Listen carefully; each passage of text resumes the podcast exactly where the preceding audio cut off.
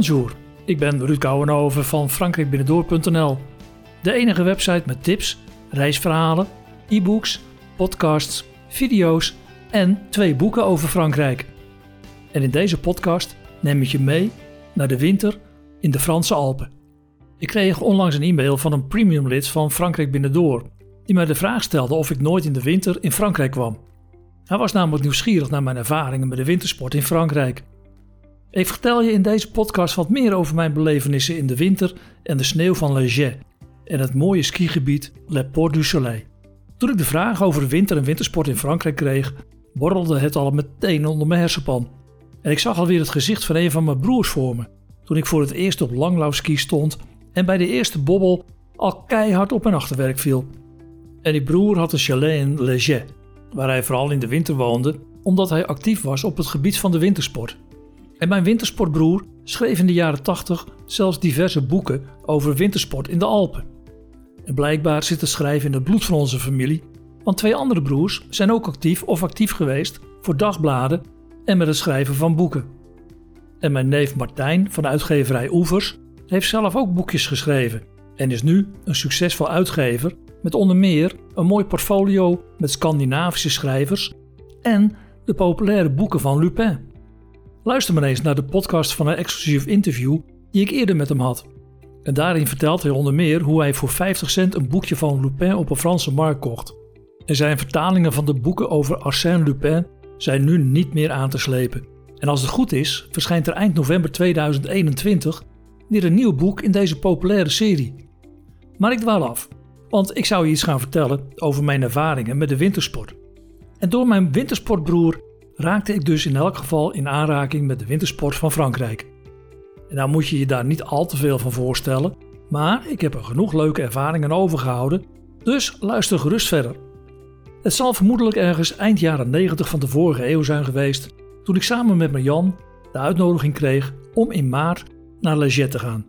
En dit dorp ligt in de Haute-Savoie. En het is er in de winter, maar ook zonder sneeuw, heel goed toeven. En het was voor ons de eerste keer dat wij naar de Alpen gingen in een periode van vorst en sneeuw. En nu leek de maand maart niet bepaald een maand voor veel sneeuw. En dat dacht ik in eerste instantie ook. Maar het bleek een topmaand om rustig van de wintersport te genieten als je naar het skigebied van Le Port du Soleil gaat. Via de Belgische Ardennen raakten wij in een flinke sneeuwstorm verzeild en al aardig in de winterse sferen. Nadeel was echter wel dat het niet echt opschoot. Maar eenmaal voorbij Luxemburg reden wij over de autoroute du Soleil richting Mâcon, om vervolgens door de tunnel bij Nantua via de A40 naar Clusa te rijden. Tegenwoordig kan dat een stuk korter, maar in die tijd was er nog geen A39 of E23. En via die laatste snelweg ga je tegenwoordig via Besançon en dan is het vanaf Maastricht maar ongeveer 750 kilometer. En ik zal die eerste keer nooit meer vergeten, want toen wij via Annemasse en Clusa via de D902 en Tanange richting Leger reden, gebeurde er iets wonderlijks. Het was vies regenachtig weer en het zag er grauw en treurig uit. En na Tanange kronkelde de weg omhoog en naarmate je hoger kwam, hingen er allemaal netten tegen de bergwanden waar je tussendoor omhoog rijdt. En hoe hoger wij kwamen, werden de ijspegels aan de netten groter en groter. En het regende nog steeds flink. En toen gebeurde het. De weg ligt op het hoogste punt ongeveer 1000 à 1100 meter en na de laatste bocht ligt het dal van Leger vlak voor je. En we kwamen meteen in een andere wereld. Het was er wit en er lag een massa sneeuw. Een compleet andere wereld.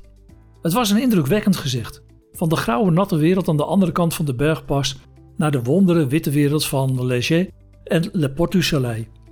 En als je langs deze weg naar Leger rijdt, dan kom je in Le Port du Soleil, een skigebied met ongeveer 600 kilometer aan pistes en ook nog genoeg mogelijkheden om te langlaufen en op andere manieren van de wintersport te genieten.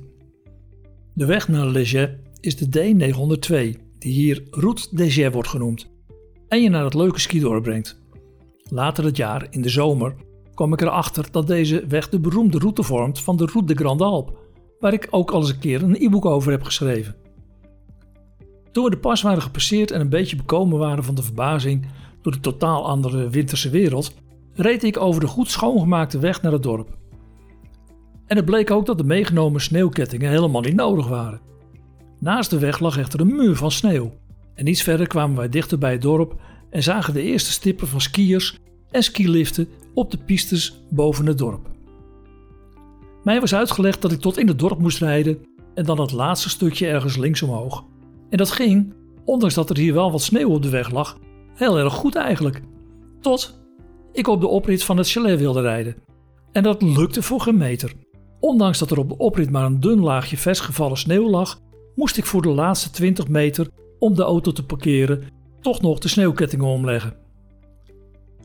De dag erna zou ik samen met Marjan onze eerste langlaufervaring op gaan doen. Mijn wintersportbroer had niet voor niets een boekje over langlaufen geschreven. En daarvoor reden wij naar het skigebied boven Leger. Je komt dan langs de plek waar buiten de wintermaanden een fraaie golfbaan ligt. En bij Les van ligt een groot parkeerplaats en daar heb je toegang tot het hoger gelegen skigebied en de ongeveer 600 kilometer pistes van Le Port du Soleil. Een half uur later stonden wij voor het eerst op langlauwskis en volgden onze instructeur door de Loipes en het bos over Le Planet richting Morzine. Een fraaie tocht dwars door de natuur. Heel mooi, maar het geploeter in de Loipes bleek niet helemaal op mijn lijf geschreven. Het ging langzaam omhoog en ik was constant bezig hoe het zou gaan als we terug naar het begin zouden gaan. Een paar valpartijen en wat stevige vloeken later stonden we op het punt van een stuk met een geleidelijke, maar toch wel zekere afdaling. Ik keek naar beneden en ik zag mij al met een noodgang naar beneden glijden. En een fractie van een seconde later kwamen mijn langlaufskis, zonder dat ik het wilde, in beweging. Hoe moet ik stoppen? Waar zit de rem? riep ik naar mijn broer. Maar voor hij antwoord kon geven, lag ik al met een klap op mijn achterwerk naast de loipers.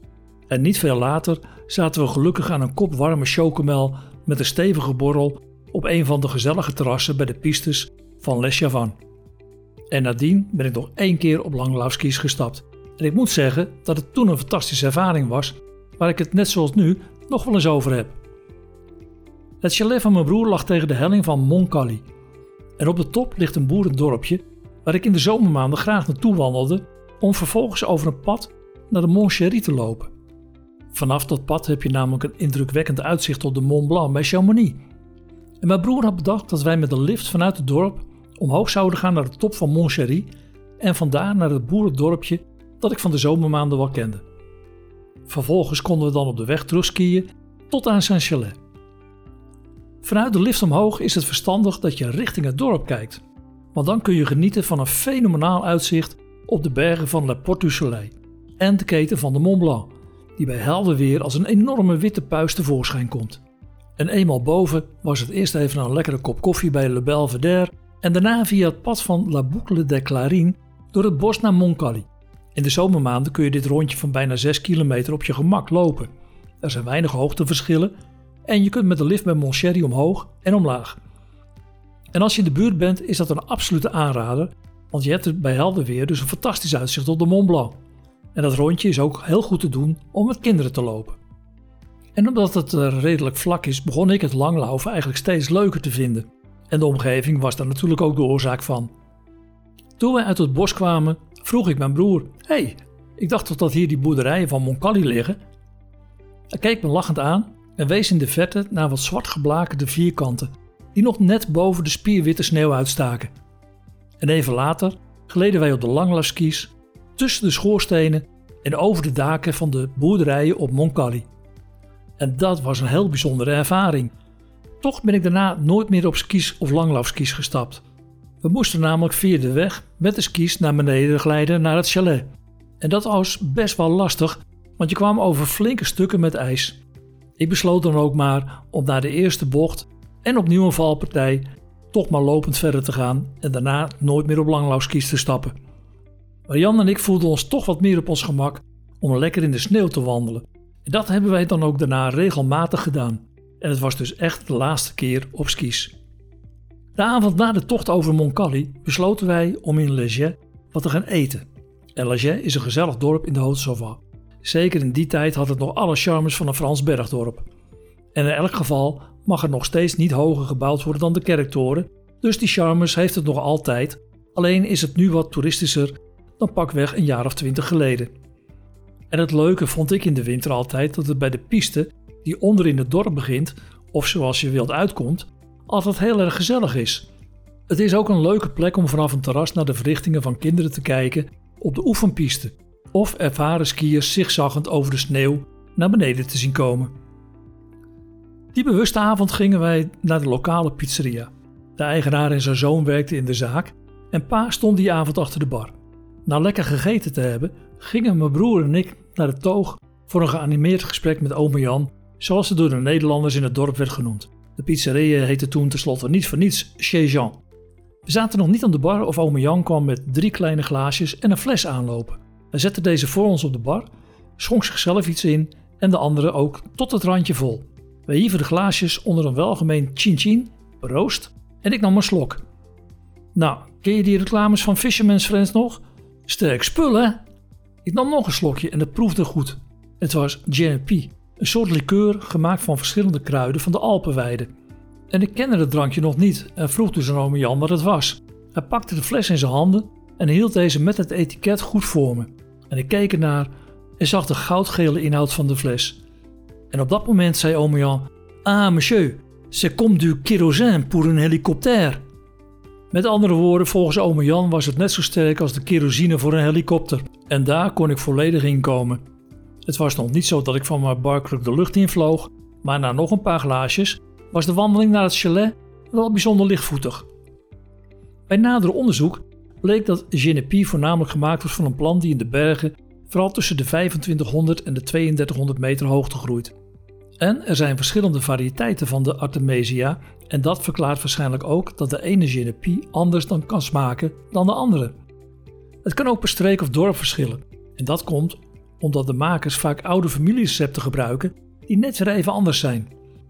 Het alcoholpercentage ligt meestal tussen de 40 en de 50 procent en dat maakt het drankje ook heel geschikt om na een stevige kaasfondue, een tartiflette of revolutionade, de kaasmassa in je maag op te lossen.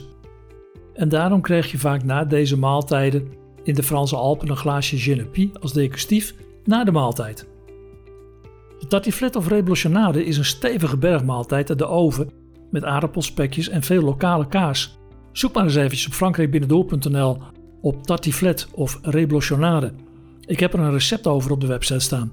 In de Savoie en Haute-Savoie wordt meestal de lokale kaas Reblochon gebruikt.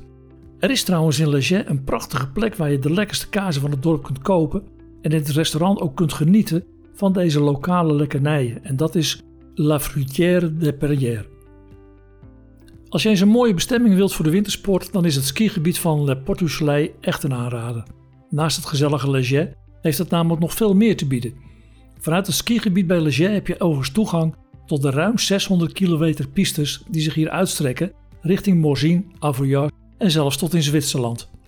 Een andere bekende wintersportplaats in het skigebied Le Porte du Soleil, dat zijn bijvoorbeeld het dorpje Abondance. Het is een ideale bestemming als je van de winter en sneeuw wilt gaan genieten. Het dorp heeft zelf een klein skigebied, maar is niet direct verbonden met het uitgebreide skigebied van Le Porte du Soleil. Het ligt op circa 930 meter en het skigebied gaat tot ongeveer 1700 meter hoogte en is in de winter behoorlijk sneeuwzeker. Het eigen skigebied bij Abondance is geschikt voor beginners en gezinnen met kleine kinderen. En wil je eens verder skiën, dan is de lokale shuttle ideaal om de rest van Port Soleil te verkennen. Het wintersportdorp Avoria is voor de vervente wintersporter een prima plek om in het Port Soleil te gaan skiën. De liftverbindingen zijn er perfect en de echte profs kunnen de lift nemen naar de beroemde afdaling die de muur wordt genoemd. En dat is een super steile afdaling. Je kunt er mooie tochten maken bij Avoriaz naar bijvoorbeeld het geitendorpje Le Lindaret, waar je op een van de terrassen lekker kunt lunchen. Avria is een in de jaren 70 aangelegd skidorp en als je het via de weg nadert, is het alsof het tegen de rots is geplakt. Er zijn tal van voorzieningen die je wenst, maar het mist wel het gezellige karakter van een echt bergdorp, zoals bijvoorbeeld Leger. Châtel is dan wel weer zo'n sfeervol bergdorp, met veel sfeervolle en authentieke chalets. Het ligt niet ver van Zwitserland en je kunt met de skipost van Port ook de grens over. Er zijn fraaie pistes voor beginners en kinderen, maar ook topverbindingen met Morzine en Avoriaz. Een hele mooie bestemming en net als Leger om in deze streek echt te genieten van de wintersport. Net als Abondance ligt het dorpje Montrion net iets buiten het skigebied van Le Port du Soleil. Het is vooral gezellig en authentiek. Eigenlijk gewoon een leuke bestemming als je de drukte van Morzine en Avoriaz wilt vermijden. Dit is vooral een mooie plek als je niet wilt skiën, maar wel wilt genieten van een winterse wereld. Het nabijgelegen meer is winters bevroren En je kunt er schaatsen, ijsvissen en lekker winterwandelen. Voor gezinnen met kinderen die willen skiën is dit dorp wat minder ideaal. Dan kun je beter kiezen voor Abondance. Ik maakte bij Montrion trouwens eens vanuit het dorp een winterwandeling omhoog naar Les Lindarets, waar we op een van de terrassen hadden afgesproken met een groepje skiers die er vanuit Lejeune naartoe waren gegaan. Morzine is ook een gezellige wintersportplaats en volgens kenners een van de meest kindvriendelijke wintersportdorpen van Frankrijk. Alles wat je voor de wintersport nodig hebt is er bij de hand. En er zijn hele mooie en snelle verbindingen naar de skigebieden van Avoriaz en Leger. Ik hoop je met deze podcast meer inspiratie te hebben gegeven om deze mooie streek in de Haute-Savoie eens in de wintermaanden te bezoeken. Maar ook vanaf het voorjaar tot de herfst is het er aantrekkelijk. En je kunt dan prachtige wandelingen in de bergen maken en voor sportievelingen of enthousiaste e-bikers is fietsen in dit stukje Frankrijk ook prachtig. En ik weet zeker dat ik binnenkort nog eens een podcast zal maken over Leger en de omgeving in de zomer. En bij deze podcast schreef ik ook een uitgebreid blog op frankrijkbinnendoor.nl met nog extra tips en handige links om je vakantie in dit stukje Frankrijk voor te bereiden. Ga gewoon naar frankrijkbinnendoor.nl en zoek even op Leger. Oh ja, vond je deze podcast leuk? Abonneer je dan bij Apple Podcasts, Spotify, Stitcher of Google Podcasts op Frankrijk Binnendoor. En je bent altijd op de hoogte van nieuwe podcasts met mijn tips. Je kunt natuurlijk ook naar frankrijkbinnendoor.nl slash podcasts voor al mijn podcasts en video's over Frankrijk. Tot mijn volgende podcast.